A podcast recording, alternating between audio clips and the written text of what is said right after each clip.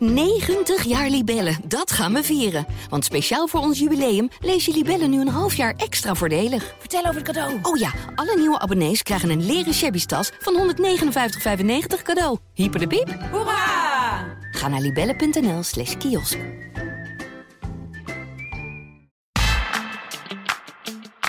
What does it feel like? Well, it's simple. One's memories are bifurcated, so when you're not at work, you have no recollection of what it is you do there.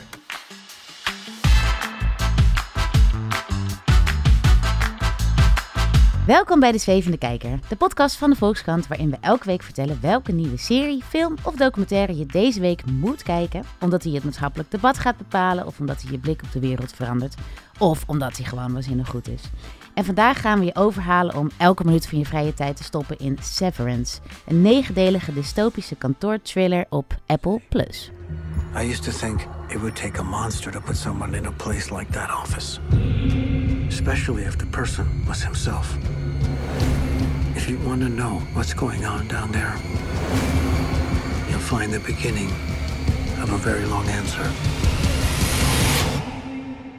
What's happening? En eh, bij mij eh, in de studio zijn aangeschoven Mark Moorman, chef kunst. Hey Esma. En Chris Puur, adjunct. En, Goedemorgen. eh, Hallo. goedemorgen. En even voordat we gaan beginnen aan deze horrorkantoorfilm, die ook over veel meer gaat dan alleen over het kantoorleven. Ehm, Apple Plus, daar kunnen we hem op kijken. En ik kan me voorstellen dat mensen een beetje eh, de draad kwijt zijn van, ja, waar moet je je nou nog op abonneren? Wat is de moeite waard? En Apple Plus, holy shit, moeten we daar ook weer een Ehm, abonnement op nemen? En Mark, geef ons het verlossende woord. Wat moeten we doen? Moet, moet je Apple Plus... eh, Nou, dat, het is Apple TV Plus eigenlijk, oh, oh, officieel. Maar ehm, die zijn wel echt eh, goed bezig. Die, zijn, die bestaan natuurlijk nog niet zo heel lang. En hadden als, als eh, voornaamste probleem van een startende streamer... dat ze natuurlijk geen filmstudio waren. En, en eigenlijk geen archief hadden om, om oude series, oude films om aan te bieden. Dus alles wat ze uitzenden of wat ze streamen, dat moeten ze zelf maken. En in het begin zat er nog, was het nogal eh, hit en miss. Eh ze hadden een paar opvallende dingen met eh The Morning Show en Ted Lasso. Oh een ja, Amerikaanse. Ja. comedy-serie. Die, die vooral in Amerika, ik vond het zelf altijd matig. Maar in Amerika sloeg dat enorm aan. Eh, alleen de laatste tijd eh, hebben ze een aantal dingen. Ze hebben de, de Oscar voor beste film gewonnen met eh, Coda. Dat is natuurlijk qua reputatie in de streamingwereld eh, extreem eh, belangrijk. Daar, daarmee hebben ze iets gedaan wat de andere streamingdiensten nog nooit hadden gedaan. Eh, en nu hebben ze eigenlijk twee series die gewoon tot het beste behoren wat, wat er is. Eh, Severance, waar we het nu over gaan hebben. En eh, ik ben ook helemaal hoekt aan eh, Pachinko. Dat is een Japans-Koreaanse serie. Gebaseerd op een, eh, een bestseller van een paar jaar terug. Echt zo'n familiekroniek over de hele 20e eeuw. En al die, eh, al die producties van Apple, die hebben eh, wel één ding gemeen. Hoewel het qua thema en stijl alle kanten op gaat. Eh, geld speelt geen rol. Ja. Echt ongelooflijk. Ja, dat komt natuurlijk. Ja, de Apple Inc. zit erachter. Dat giga techbedrijf dat, dat gewoon meer geld heeft dan de meeste landen, zeg maar. En dat zie je eigenlijk overal in terug. Ook in Severance, denk ik, toch? ja, nee, absoluut. Jij, heb jij ervaring met Apple TV Plus? Nee, ik eh, weet wel dat ik er iets op gezien heb, maar weet niet meer wat. En was het niet zo dat je vroeger gewoon daar een los ding kon kopen? Ja, dat Of- dacht ik dus ook. Dat je ook gewoon één serie kon kijken. Ja, via, want Apple is natuurlijk ook iTunes. Ja, Eh, dus dat is ook wel iets om eh, in de gaten te houden. Ja. En je, ze hebben- om zichzelf een soort eh, vliegende start te geven. Bij aankoop van een Apple device krijg je, krijg je ook een eh, abonnement op eh, Apple TV Plus erbij. aha. En dat zijn natuurlijk ook best veel mensen die eh, rondlopen met een iPhone of wat dan ook. Oké, goed. Ehm, Severance, eh, waar we het vandaag over gaan hebben, is een negendelige serie. Over het ja, duistere biotechbedrijf Luman. Alhoewel we nooit helemaal erachter gaan komen wat Luman nou precies doet. Maar het is iets met bio en technologie. En ehm, medewerkers van Luman eh, die wij volgen, die hebben een speciale soort neurochirurgische procedure ondergaan. Waarbij hun werkende zelf is gesplitst van hun privé zelf. Dat klinkt heel ingewikkeld, maar dat komt er eigenlijk op neer. Dat als je naar kantoor gaat, je door een soort. Je, gaat, je stapt in de lift en je komt eruit als je werk zelf, die zich niets kan herinneren van je privé zelf. En ga je aan het eind van de dag weer naar huis. De lift weer in, dan, eh, dan kom je eruit als je privé zelf. En je hebt dus geen idee wat je binnen eigenlijk aan het doen bent eh, eh, als je een outie bent. Want daar, dat is het verschil wat wordt gemaakt tussen outies en innies. En nou ja, goed, dat, dat splitsen, wat dus severance betekent, dat leidt bijvoorbeeld tot een afscheidsspeech als deze, wanneer werknemer Burt, geweldig gespeeld door Christopher Walken, met pensioen gaat en zijn outie een videoboodschap heeft voor de werknemers van zijn afdeling. Of course, I don't really know any of you. But the man standing there with you now does. He's worked with you for nearly seven years, and I hope they've been good years. I, I don't know what they've been like or what exactly I or he has been doing with you, but I do know how I feel. I come home feeling tired but fulfilled. I feel satisfied. I must like you. Goed, het gaat dus eigenlijk over een leven waarin de work-life balance eh, zo is uitgeslagen dat je je gewoon helemaal niets kan herinneren van je, je kantoor zelf. En de bedenker, eh, Dan Erickson, die het script heeft geschreven, die kwam op het idee omdat hij zelf een, een verschrikkelijke kantoorbaan had. En in die tijd fantaseerde hij dat hij een soort van kon dissociëren die acht uur kon volhouden zonder dat hij eigenlijk echt in zijn lijf zat. Om dan aan het eind van de dag uit te kunnen klokken en gewoon weer verder te kunnen gaan met zijn leven. Hebben jullie ook wel eens dat soort fantasieën gehad hier op de burelen van de Volkskrant of eerdere horrorbaantjes uh, op kantoren? Mark. Nou, het is, het, is, het is natuurlijk een, een, een, eh, een, wat je al zei, uh, dystopische serie. Maar je hebt het gevoel dat het wel, wel heel erg een soort kern van kantoorleven raakt. Weet je wel? We, we, we, maken deze podcast in een kleine studio, in een iets grotere ruimte, in een iets grotere ruimte, in een giga Dus die hele, het hele doolhof uh, dat Lumen Industries in deze serie is, dat komt mensen die uh, dit gebouw waar onze krantenredactie is gevestigd ook wel vaag bekend voor. De meeste, meeste, nieuwe werknemers duurt ongeveer drie maanden voordat ze überhaupt het kantoor kunnen vinden. Ik was de eerste tijd hier ook zo verdwaald en het duurt, duurt gewoon nou ja, eindeloos voordat je van de ingang naar je, naar je bureau bent, zeg ja. maar. Je hebt heel, veel, je, je, hebt heel veel tijd om in je, in je werkidentiteit uh, te schieten, zeg maar, op, ja. op zoek naar de ingang. dus dus hoe, hoe, hoe dystopisch het ook mag zijn, uh, komen toch allerlei factoren langs dat je denkt, ja, dat kantoorleven, dat veroorzaakt wel een soort uh, onthechting uh, ook. Ja, jij Chris? Ik heb nooit zo'n horrorkantoorbaantje gehad en ik vind juist ook wel, ja, ik zat, me, ik zat me net nog af te vragen, zijn er eigenlijk wel films gemaakt of series die een ode zijn aan het kantoorleven? Of waar het gewoon vrolijk is? Het is heel vaak lullig of een beetje bedreigend of eng of angstig of zoals in The Circle... Uh, bedreigend en vals en gemeen en naar.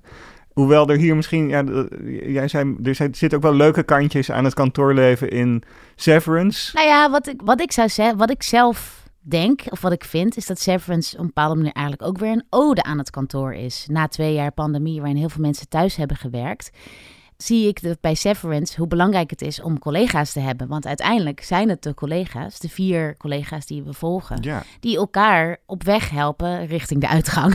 Ja, en die het op maar, met elkaar kunnen vinden en ja. iets gemeenschappelijks in elkaar ontdekken, wat, wat ook heel leuk is. Precies, dus soms zie je ze zo met z'n vieren door die eindeloze gang van Luhmann lopen en dan... dan, dan ja, dan bedenk je van, die mensen hebben allemaal een soort verbond met elkaar, wat eigenlijk heel bijzonder en ongrijpbaar ook is. En dat krijg je gewoon als je acht uur per dag op één afdeling zit. En dat is een bepaald soort ja, camaraderie of een soort band uh, die je in het, in het, in het auto-leven, dus ja. zeg maar buiten de burelen, niet hebt, maar die toch van heel veel waarde is. Dus ik vond het dus ook wel, het had ook wel iets optimistisch over het kantoor bestaan. Ja, deels. Maar het is deels wel, het is toch, het, ja. is, het is meer ondanks het kantoor, of, of nou ja, dankzij, ik weet het niet. Het is meer ondanks het kantoor, dit is een beetje een karakterachtige vraag bijna. Maar ja. het is, is het ondanks of dankzij het kantoor dat ze elkaar kunnen vinden. Want het kantoor zelf is natuurlijk uh, toch een soort evil systeem, heel duidelijk. Nee, zeker. En wat ik dan, wat ik wel herken aan, aan Severance, waar ik denk dat het ook over gaat, is dus van wie, wie ben je afgezet tegen de identiteit van een, van een bedrijf? En dat, dat, dat ken ik wel. Hoe je je soms moet aanpassen of om grappen moet lachen of... Nou ja, er zit ook zo'n hele duffe scène in waarin Mark dan aan zijn baas, geweldig gespeeld door Patricia Arquette, een soort nou ja, verschrikkelijke horrorbaas, dan Ja. vraagt hij van, zal ik de deur open laten of dicht doen? En dan, dan sta je daar zo in die deur. In, dat, dat herken ik zo van kantoor, want het is een vraag die je in het echte leven nooit aan iemand op die manier zo schaapachtig Nee. stelt, weet je? Nee. Dus, ehm, Laat maar een beetje open, ja. Ja, ja precies. Open en dicht, zegt ze geloof ik. Ja. Wat, wat ik echt sterk gedaan vind, is dat ze allerlei dingen openlaten. Bijvoorbeeld wat, ze, wat die mensen daar eigenlijk precies doen. Want Ik ze wil doen net aan jou vragen, Mark. Wat doen die mensen daar? Nou ja, ze, je ziet ze eigenlijk zie, je, je ziet ze heel concreet bezig met cijfertjes op een scherm. En dan moeten ze een groepje cijfers identificeren waar ze zich angstig bij voelen. En, dat groep, en, dat, en dat groepje cijfers moeten ze dan terzijde schuiven. Nou ja, dat klinkt heel concreet en het is natuurlijk extreem vaag. En het staat ook een beetje, als we, als we het over metaforen gaan hebben, natuurlijk over hoe mensen überhaupt tegen grote techbedrijven aankijken. Je weet wel ongeveer wat ze doen, want, want je hebt een iPhone op zak of je krijgt een pakje van Amazon thuis of wat dan ook. Maar wat steeds duidelijker wordt, is natuurlijk dat techbedrijven vooral eh, met je, met je gegevens allerlei dingen doen. Je, Ja. je data. En hier, en hier wordt dat hele data-idee eh, eigenlijk verpakt in, in, die, in die merkwaardige eh, handelingen die ze met die cijferreeksen op hun scherm aan het verrichten zijn. Zonder dat ze zelf weten wat ze daar aan het doen zijn. Precies. Want we volgen dus eigenlijk een groep van vier collega's op de afdeling Macro Data Refinement. Eh, en dit zijn refiners, alhoewel we dus niet weten wat ze refinen. Eh, eh, dat weten ze zelf Ja, ook niet. macrodata, Ja. de refinen ze. Zag je, zag je toch? Het is een eindeloze, eindeloze cirkel waarin hier wordt rondgedraaid. Ja. Maar wie, wie van jullie wil even uiteenzetten wie die collega's zijn en wie de hoofdpersoon is? Kees, vertel. Nou, je hebt eh, Mark, dat is, eh, die is zojuist tot chef gepromoveerd... omdat een van hun vier collega's eh, kort geleden is verdwenen. Ja. Dan heb je het John Turturro-personage, hoe heet het- hij ook weer? Irv, Irv. Irving, ja. Dat is, een, dat is zo'n collega die eh, eigenlijk wel redelijk op kan gaan in zijn werk, omdat hij het toch allemaal eindeloos fascinerend vindt. Hij kan zich er helemaal mee involven met eh, zijn werk. Dan heb je Dylan, dat is ook zo'n typische kantoorcollega, maar dat is het type dat graag eigenlijk gewoon uitvoert wat hem wordt opgedragen en daar tegelijkertijd heel onthecht en cynisch over is. Dus Ja. hij zit tijd grappen te maken en tegelijkertijd wil hij de beste zijn. Eh, en hij vindt het gewoon lekker om te doen, om daar iets te doen te hebben. Je kent ze wel. Ja, kent ze precies. wel. Heel herkenbaar, ja. En nieuw binnenkomt eh Helly. En dat is het type dat eigenlijk al meteen denkt: wat is het voor bizar systeem? Ik wil hieruit. Dit moet anders. Dit is helemaal niet goed voor mij. Eh, en zij doet meteen pogingen om zo hard mogelijk weer uit dat kantoor eh, te komen. Met alle gevolgen van dien. Ja. En dat zijn eigenlijk grappig genoeg vier. Ja, best archetypische kantoorcollega's. Zo, zo bestaan ze inderdaad. En het zijn ook wel menstypen, denk ik. Ja, en je, we zien dus in aflevering 1 hoe die Helly wakker wordt op een bureau. En door een, een intercom haar de vraag wordt gesteld: wie ben jij eigenlijk? En daar heeft ze geen antwoord op, omdat Ja. ze dus helemaal niet weet wie Ja. ze is. En ze wordt door, door Mark, die eigenlijk de hoofdpersoon is, Ja. eh, eigenlijk bijgestaan of eh, als een soort trainee meegenomen in dit hele bizarre nieuwe kantoorleven dat ze moet leiden. Wat dus ook helemaal nooit ophoudt. En daar hebben we een fragment van. Am I trapped here? In what way? Like, if it turns out I hate this and I want to quit, is that an option? I mean, if you're really unhappy, you can submit a resignation request with your outside self for review. And good luck getting that approved. And they do tend to be rejected. Plus, since this perceptual version of you only exists at Lumen, Mean, quitting would effectively end your life. I mean, in so much as you've come to know it. Eigenlijk wil Helly weten of ze hier ooit nog weg kan. En dat blijkt eigenlijk niet echt te kunnen. Want dan moet haar Audi toestemming geven voor, eh, voor ontslag. En in de hele serie, eigenlijk in elke aflevering, gaat het ook heel erg over die verhouding tussen Auties en Innies. Wat feitelijk één persoon is. Ja, wat, wat, wat, waar gaat dat over? Of waar staat dat voor, denk jij, Mark? Nou, kijk, je, je volgt vanaf het begin. Dat is eigenlijk de, de enige persoon waarvan je heel lang eh, zowel de binnen- als buitenrol eh, volgt. Dat is die, die, eh, die hoofdpersoon, die Mark, Mark Scout, Scout, gespeeld ja. door Adam Scott. Adam Scott is trouwens een van de hoofdrolspelers van de, een van de beste workplace comedies ever, Park and Recreations. Dus je voelt al dat hij een beetje in die, kan, die kantoorvibe zit. Ja. En zijn motivatie om die procedure te ondergaan, die, die severance-procedure, die, die maakt het althans in de eerste aflevering eh, en in het begin nog redelijk begrijpelijk. Want hij, hij is een geliefde verloren en hij denkt dat hij niet meer eh, hij wil eigenlijk kunnen functioneren zonder die rouw die hem als een soort, soort lode kogel aan zijn, uh, aan zijn been hangt. Dus hij denkt, als ik de, de rouwende figuur die ik ben uh, uh, verwijder van, de, van mijn werkende persoonlijkheid, dan, dan, dan kan ik beter functioneren. Ja, want hij is geschiedenisleraar en daar lukt het hem helemaal niet meer om, om nee. les te geven. Maar het deed me ook wel denken aan hoe je je sowieso voelt als je ja, depressief bent of gedeprimeerd. Dat je eigenlijk zo graag wil dat de tijd gewoon voorbij gaat. Ja. Dat, dat is eigenlijk ook een beetje het thema, toch? Van zijn personage. Ja, er zitten. Kijk, ja. je, je, je kunt die.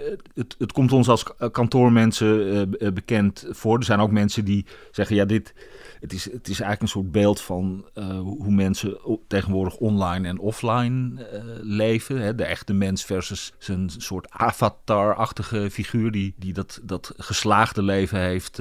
Bijvoorbeeld op Instagram of, of wat dan ook. Dus, dus die, die, die scheiding zou het ook naar kunnen verwijzen. Ja. En in de loop van de serie kom je eigenlijk steeds meer wordt de vraag van wie zijn zijn collega's, wie zijn die andere mensen buiten het kantoor. En, en dat is zeg maar een van de, van de grote spanningslijnen die, waar we niks over zullen verklappen, maar die in ieder geval in de, in de slotaflevering tot uh, spektakel uh, leidt. Hey, en uh, nou ja, dit is, ik beschreef het in het begin als een dystopische kantoorfilm. Ik zou het ook wel kunnen beschrijven als een soort tech noir, waarin het gaat over mensen versus androids of mensen versus uh, sub-mensen of, of versies van, van zichzelf. Aan welke andere films of de, ja, andere series of films of, of gedachte-experimenten deed het jou denken, Chris? Ja, ik moest gek genoeg aan Coma denken, maar dat heeft heel erg met de stilering ja, van dus de film, Zo uh, bizar. van de serie te Ja. maken. Uh, ook omdat je denkt, dit is precies, bij Severance denk je, dit is precies hoe 1978 eruit zag. Het is Ja. heel goed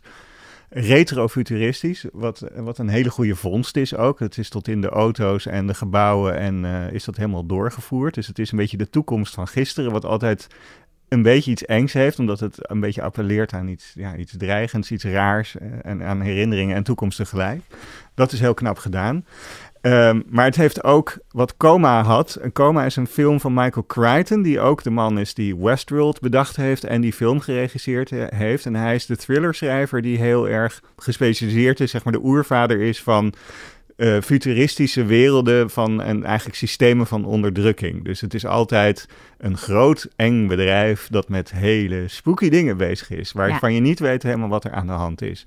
Nou gaat Coma is een ziekenhuis film waarin mensen kunstmatig in coma worden gebracht om ze vervolgens uh, in een spectaculaire scène allemaal op te hangen in een soort grote hal en hun organen te harvesten. Daar kom je uiteindelijk achter. Uh, de klassieke, klassiek, Ja. klassiek doemscenario.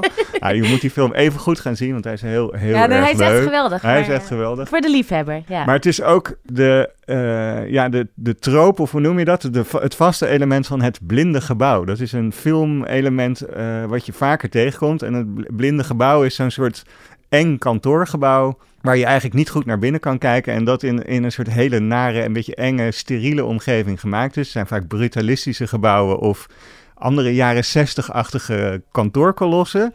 En als je een blind gebouw ziet, ga je automatisch denken: wat zouden ze hier binnen aan het doen zijn? In coma is dus dat het Jefferson Instituut, waar comateuze mensen worden opgehangen om hun leven eruit te halen. Ja, het ergste scenario denk ik. Het ergste scenario denk ik, maar. Ja. Uh, maar je had het ook bijvoorbeeld in Stranger Things. Dat, Ja. is ook, dat draait eigenlijk ook helemaal om zo'n blind gebouw. Ook eigenlijk niet toevallig zo'n zo'n serie die een beetje refereert aan eind jaren 70, begin jaren 80. Um, waarbij volgens mij dat hele idee van steriele, enge gebouwen die, die een beetje ondanks de mensheid gebouwd zijn, die, die een beetje verlaten en eng doen voelen, dat kwam toen eigenlijk heel erg op. Want, want toen had je die dingen die daar een tijdje stonden en die je gewoon een beetje griezelig Ja. uh, vond.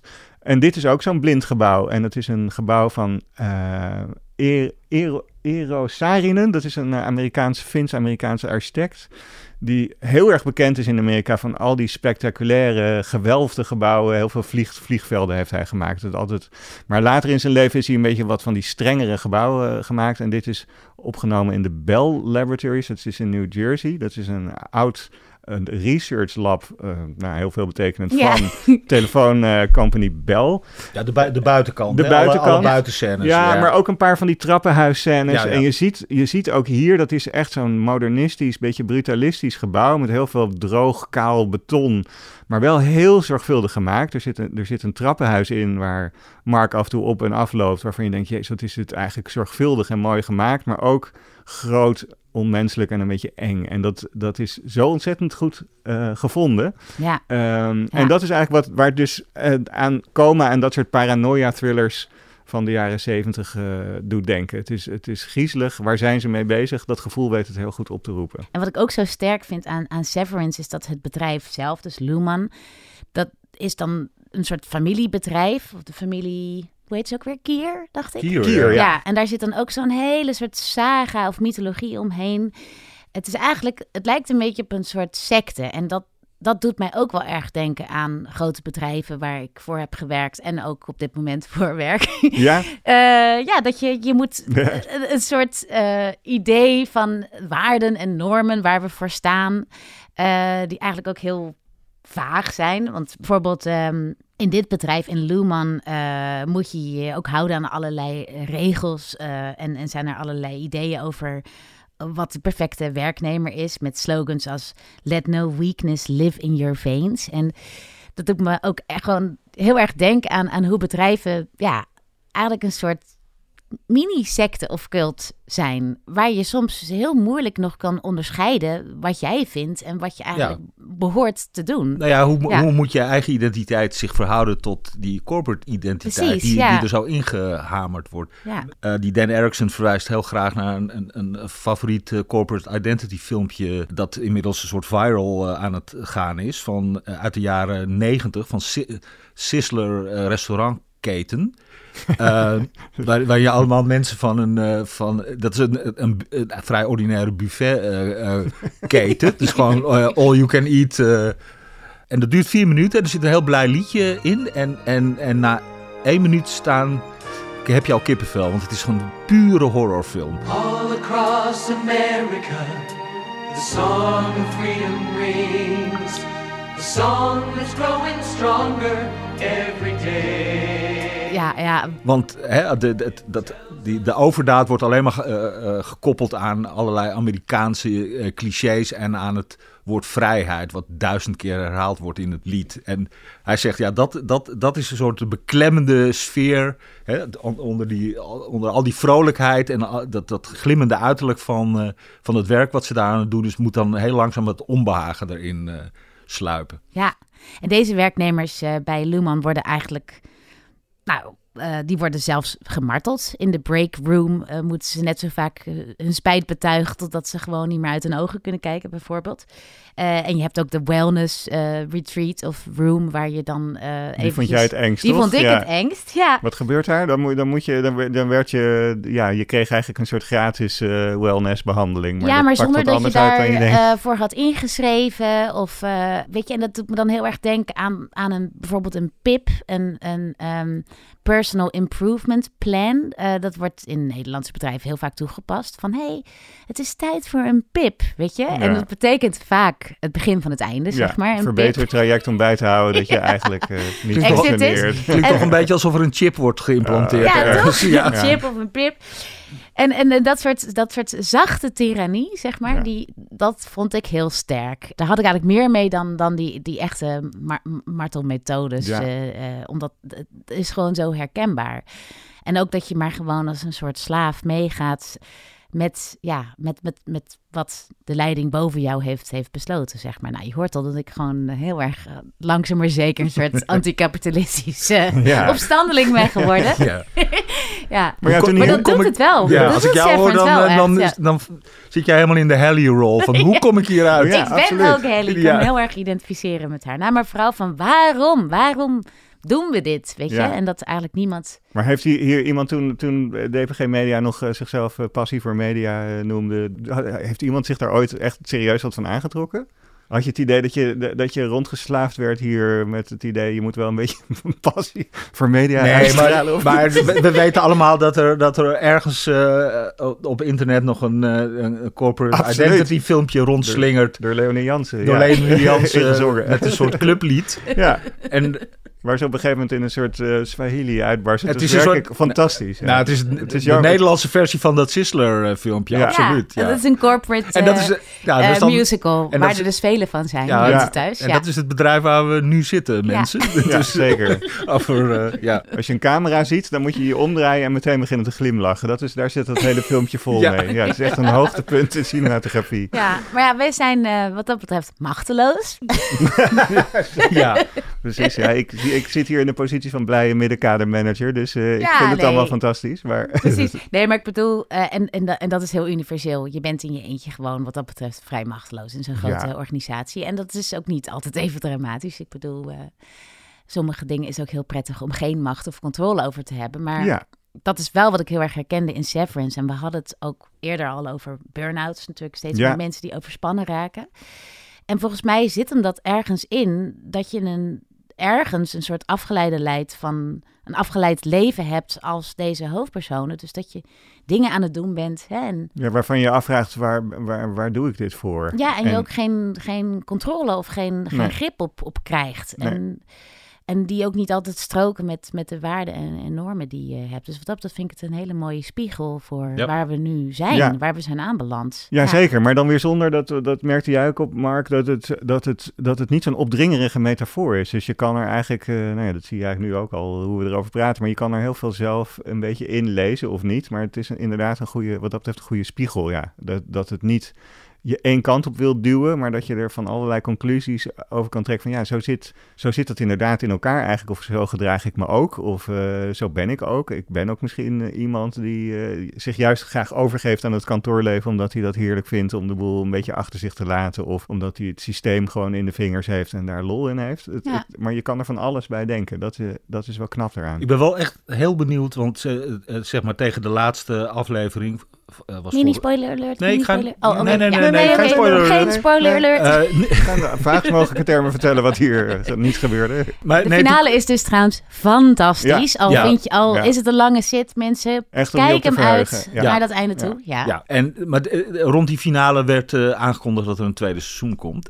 Want in dat eerste seizoen eh, komen we af en toe op andere afdelingen dan de afdeling waar onze hoofdpersoon. En, en dat leidt altijd tot, nou ja, het is allemaal heel surrealistisch. Maar je weet ook maar dat je maar een heel klein deel van dat gebouw eh, verkend hebt.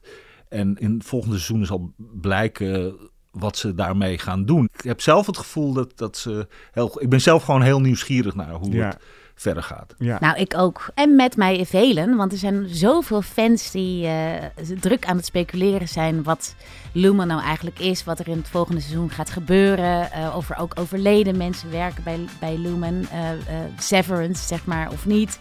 En eh, ik denk dat we allemaal gewoon niet kunnen wachten tot dat seizoen 2.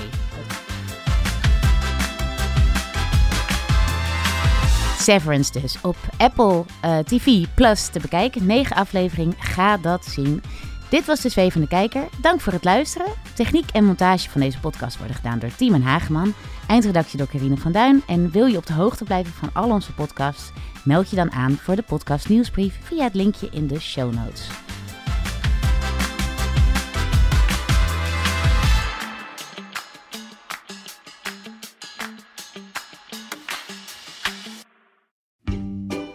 Libellen. 90 jaar Libellen, dat gaan we vieren. Want speciaal voor ons jubileum lees je Libellen nu een half jaar extra voordelig. Vertel over het cadeau. Oh ja, alle nieuwe abonnees krijgen een leren shabby tas van 159,95 cadeau. Hyper de piep. Hoera! Ga naar libellen.nl slash kiosk.